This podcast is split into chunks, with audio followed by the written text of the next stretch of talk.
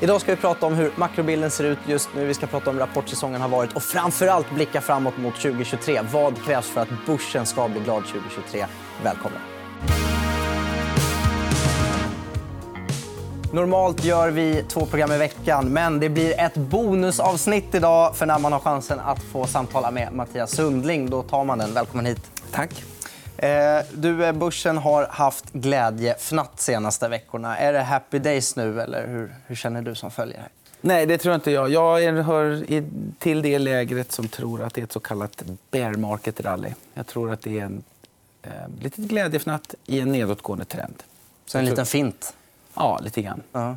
Vi ska reda ut varför du tror det. Mm. Eh, och vi ska titta på lite saker som kanske talar både för och emot det. Ja. Jag tar upp en bild direkt eh, som visar någonting om världsekonomin. Och det här är konjunkturbarometern Hushållen. Mm. Och om man tittar på den där lilla krusningen 2008 så ser det ut som en light-version av vad som väntar nu. De, de här, ja. ser fruktansvärt ut. Ja, det gör det. Men det är väl en illustration av eh, en av alla svårigheter att riktigt pinpointa vad för slags eh, cykel det här är och vart vi är i cykeln. Tittar man på den här så skulle man då föreställa sig att vi står inför ett konjunkturförlopp som är värre än 2008. Det tror inte jag alls att vi gör. Det är en sak vad hushållen säger, det är en annan sak vad de gör. Och när hushållen... Eh, all slutlig efterfrågan tror jag just nu håller på och slits mellan två krafter. Det är en stock och ett flöde. brukar jag säga. Flödet är ju då tydligt negativt. Nämligen nu har vi då kraftigt negativa reala disponibelinkomster. Och det, är det som jag tror stressar hushållen. Och det beror på inflationen. Och sen har vi en stock. och Det är ju då den här högen av pengar som har betalats ut till hushåll. Oavsett om det är USA, eller Europa eller här. Och nettoförmögenheten i hushåll, som är rekordstor eh, som gör att de ändå inte panikerar i handling, även om det ser ut så, i tanke. Eh, och det där håller på liksom att gnaga på varann. Jag tror att ju längre tiden går, desto svagare kommer hushållens konsumtion att bli. Hela det där begreppet pent-up demand, som du säkert kommer ihåg, vi pratade om, det tror jag att man kan glömma. Men samtidigt så finns det för mycket kuddar i form av de här som jag pratade om tidigare. Och bara för att ge som ett exempel, det blir ett långt svar här. Men jag menar, om någon hade sagt till mig att huspriserna ska gå ner 15 så tror jag att det hade fått ett, förebådat ett, ett väldigt pessimistiskt scenario. Men problemet inom citationstecken är att huspriserna gick ju upp 20% innan. På ett år. Mm. Så att, ja, det, det är långt ifrån självklart. Men, men som, med andra ord, även om hushållen på månadsbasis kanske har ett tajt kassaflöde så har de sparat undan i ladorna som ja. de kan använda för ja. att ändå ja, de har sparat, ja, de har sparat kontanter och de har deras nettoförmögenhet, vilket är ett lite diffust begrepp, men liksom summan av deras tillgångar minus deras skulder var i utgångspunkten här på en väldigt, väldigt hög nivå. Lite artificiellt hög kan man säga. Men det betyder att om den kommer ner så tror jag inte att hushållen får panik för det. Nej. Men stora problemet blir då om den här förmögenheten de har bunkat sedan innan tar slut? Ja, naturligtvis. Eller hur nervösa de blir av att den sjunker. Och Det är faktiskt ingen som vet. Nej. Alla gissar. Men jag tror inte att det blir 20... Och jag gissar väl också då. Men jag tror inte att det blir ett 2008-scenario. För då kollapsar ju inhemska efterfrågan. Utan jag tror mer på lågkonjunktur, absolut. Men så här, 2001 eller 91. Men då menar jag inte 91 i Sverige, utan 91 i USA. Ehm, det, är lite, och det, jag säger nu är lite grann av en konsensussyn. Så det är lite tråkigt. Men eh, det finns goda argument för det. Ja, men man, ibland får man vara tråkig. Ja, och ibland har inte konsensus fel. Nej. Det är det som gör det så svårt. Eh, vi ska titta på en, en eh, annan bild som ja. det kanske känns lite ljusare. Och det är tioåringen som faktiskt har svalnat av lite grann. Och det är ju någonting som börsen tittar mycket på för att man vill ju att räntorna inte ska fortsätta stiga för snabbt för mycket. Nej. Men som eh, vår kollega Claes Molén och Lars Henriksson och så där har påpekat, och jag själv också flera gånger. Det här är ju en summan av två komponenter. Det är inflationsförväntningar och det är realräntan. Det som har drivit upp den här i år det är realräntan. Inflationsförväntningarna är på lång sikt väldigt stabila och nästan fallit. Nu har realräntan rullat över lite grann. Och det, det beror ju på den där KPI-siffran. Och det, marknaden är otroligt snabb på att hoppas att Fed är klara. Eller att vi har grepp om... För snabb? Ja. Titta där i juli. Nej, nu försvann den. Men eh, om vi tittar på juli så såg du att då, där, ja, då ser vi att då rullade ju räntan över igen också på en förhoppning om att nu har vi, vi har grepp om hur mycket Fed ska strama åt. Jag tror att man har, tänker att man har grepp om det, men det har vi inte. Vi har inte riktigt grepp om det. Av flera skäl. Mm. för tidigt att ropa hej. Vi tar och tittar också på dollarn som jag gillar att följa. För Ja. Det är många som pratar om att när det blir oroligt då flyr man in i dollarn. Ja. Och sen när det lugnar sig så lämnar man Ja. den. Och vi säger ju att det är samma där. Den har Ja. ju lugnat sig sista månaden. Ja, det finns de som tycker att det finns ganska goda skäl att tro att dollarn har pikat. Jag är inte någon FX-strateg, så jag ska inte säga det. Men jag förstår väl ungefär argumentationen. Men om det kommer tillbaks till att man anser att man har koll på att Fed har pikat eller att marknadens bedömning av Fed har pikat så är jag inte riktigt så säker. Nej. Och det vill du att jag ska säga varför jag Ja, inte är jag- det? Så, då är jag, då är, jag, jag tror så här. Det är, problemet är hög inflation, ja. Har inflationen rullat över? Absolut. Men varför har vi så hög inflation? Jag tror att grundproblemet här är att vi har ett väldigt, väldigt högt kapacitetsutnyttjande eh, eller ett väldigt lågt, väldigt låg arbetslöshet på arbetsmarknaden. Och den, har, den har inte rört sig. Och jag tror inte att Fed vågar slappna av förrän man ser att arbetslösheten har gått upp tydligt. Det låter hemskt att säga, men så tror jag målet ser ut. Att det ska upp en, en och en halv procentenhet åtminstone. Eh, och innan det så vågar man inte slappna av. Det finns några episoder när, eh, som de själva har pratat om, 1979 till exempel, när man slappnade av i förtid och så fortsatte inflationen att skena iväg istället. Och det vill man inte upprepa. Nej. Nu är det här anekdotisk bevisföring. Men jag hade eh, förmånen att vara i New York eh, ganska nyligen springa maraton, vilket inte var en förmån för väldigt jobbigt. Men det Jag står har också varit i New York, men jag sprang i maraton. Nej. Ja. Men det står fortfarande på alla snabbmatskedjor, help wanted, help needed. Exakt. Så det känns ju som Ja, att det fortfarande med, och, ja, exakt. Och, eh, gick man i New York tyckte jag var intressant.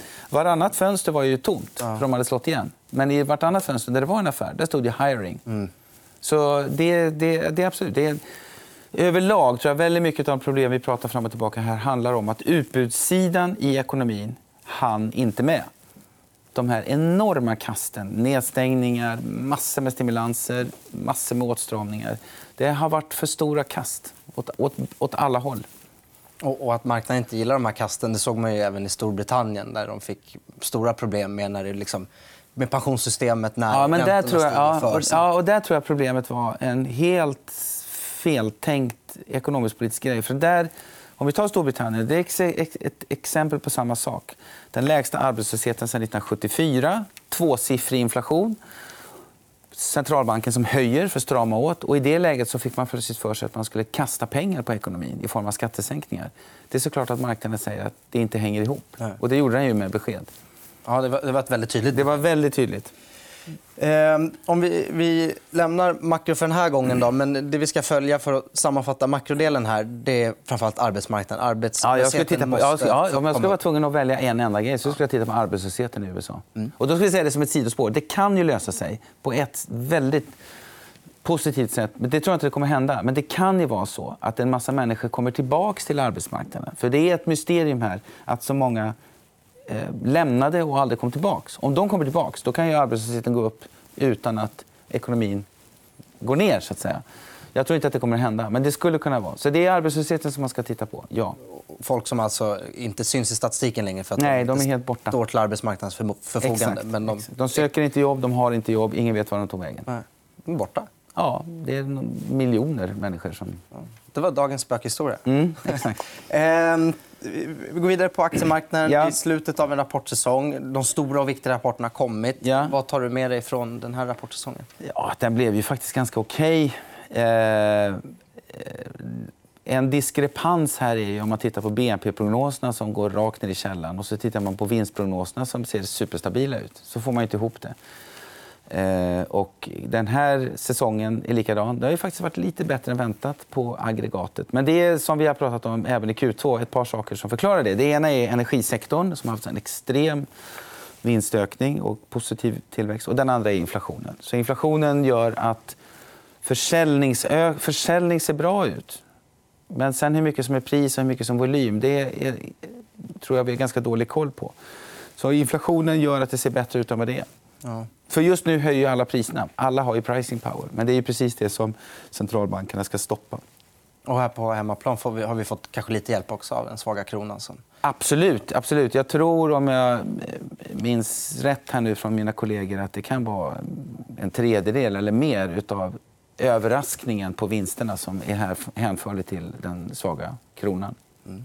Men det är ju också ett tillfälligt fenomen. Exakt. Ehm, När du var här för ett år sedan ungefär, ja. då snackade vi lite om vart vinsterna skulle ta vägen i, år. Ja. Eh, jag tror att du sa plus 4-5 procent.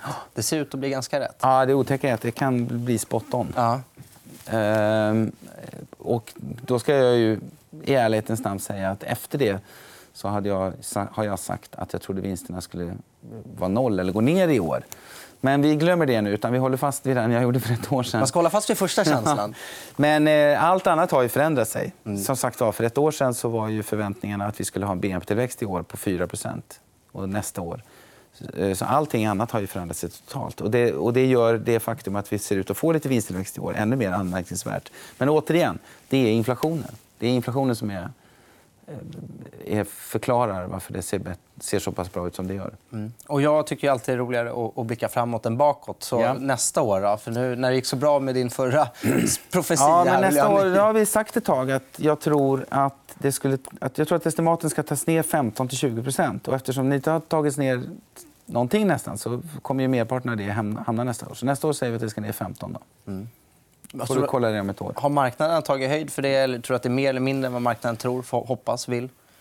Nej, alltså marknaden har, har, de officiella estimaten har inte ändrat sig eh, speciellt mycket. Vi har tagit, tagit ner dem några procent. Och sen pratar ju alla om recession och alla pratar om att de vet om det där. Men sen ser man ju att när ett bolag kommer med en vinstbesvikelse så, går, så får de ju ordentligt med stryk. Så att i den meningen, nej, man har inte tagit höjd för det. Okay. Det låter lite illavarslande. Men... Och sen, och förlåt mig, men det ja. tillägga också, det, det, man kan inte heller argumentera för att det ligger i värderingen. Alltså, vi, värderingen har kommit ner, men vi handlar inte börsen på recessionsvärdering. Så jag tycker inte, nej, jag tycker inte man kan säga det. Mm. En, en, annan eh, spaning som du och eh, Molly Guggenheimer som, som var här då bjöd mm. på det att inför 2022 då sa ni man ska vara defensiv, man ska ja. ha defensiva aktier. Ja. Det får jag också ge rätt på. Ja, det var Så bra. nu vill jag ha en profetia även där för 2023. Vad, vad, vad tänker du? om alltså, Jag är i det stanset fortfarande. Då. Och det innebär att då missar vi ju när det har varit eh, de här eh, rallyna. Så att säga. Det var i juli, men jag förstod inte riktigt logiken bakom det. Och jag förstår inte riktigt logiken bakom det här rallyt heller. I det lite längre perspektivet. Så jag fortsätter att vara defensiv. Och det kommer jag fortsätta vara tills jag inte är det längre. Eh, men det vet inte jag. Det kommer med största säkerhet att ändra sig under 23. Så jag tror att det är inte ett tema som gäller hela 23. Men när det temat byter, det vet jag inte. Det är mer händelsestyrt. Jag tänkte det... fråga vad, vad kommer ja, men Det kan ju vara precis det vi pratade om. För att jag tror att om, om vi står någon gång i, i, fram på vårkanten och arbetslösheten i USA är 4,5 eller 5 då, eh, då tror jag att det är ganska uppenbart att Fed kan ta ett steg tillbaka då kan risksentimentet komma på igen lite grann. Det är vad marknaden behöver? Ja, det tror jag. Mm. Låter som en bra medicin för börsen. Du, ja. Eh, tack så mycket för att du kom eh, hit, Mattias Unning. Tack så mycket. Det var allt vi hade att bjuda på i dagens avsnitt. På onsdag då kommer Johan, eh, Johan Edberg hit och blir fullt fokus på fastigheter. På Instagram kan ni följa oss. Där heter vi EFN Aktiekoll. Tack för att ni har tittat. Hej då.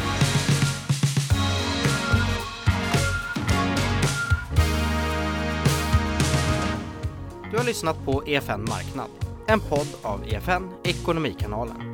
Mer om ekonomi och aktier finns på efn.se.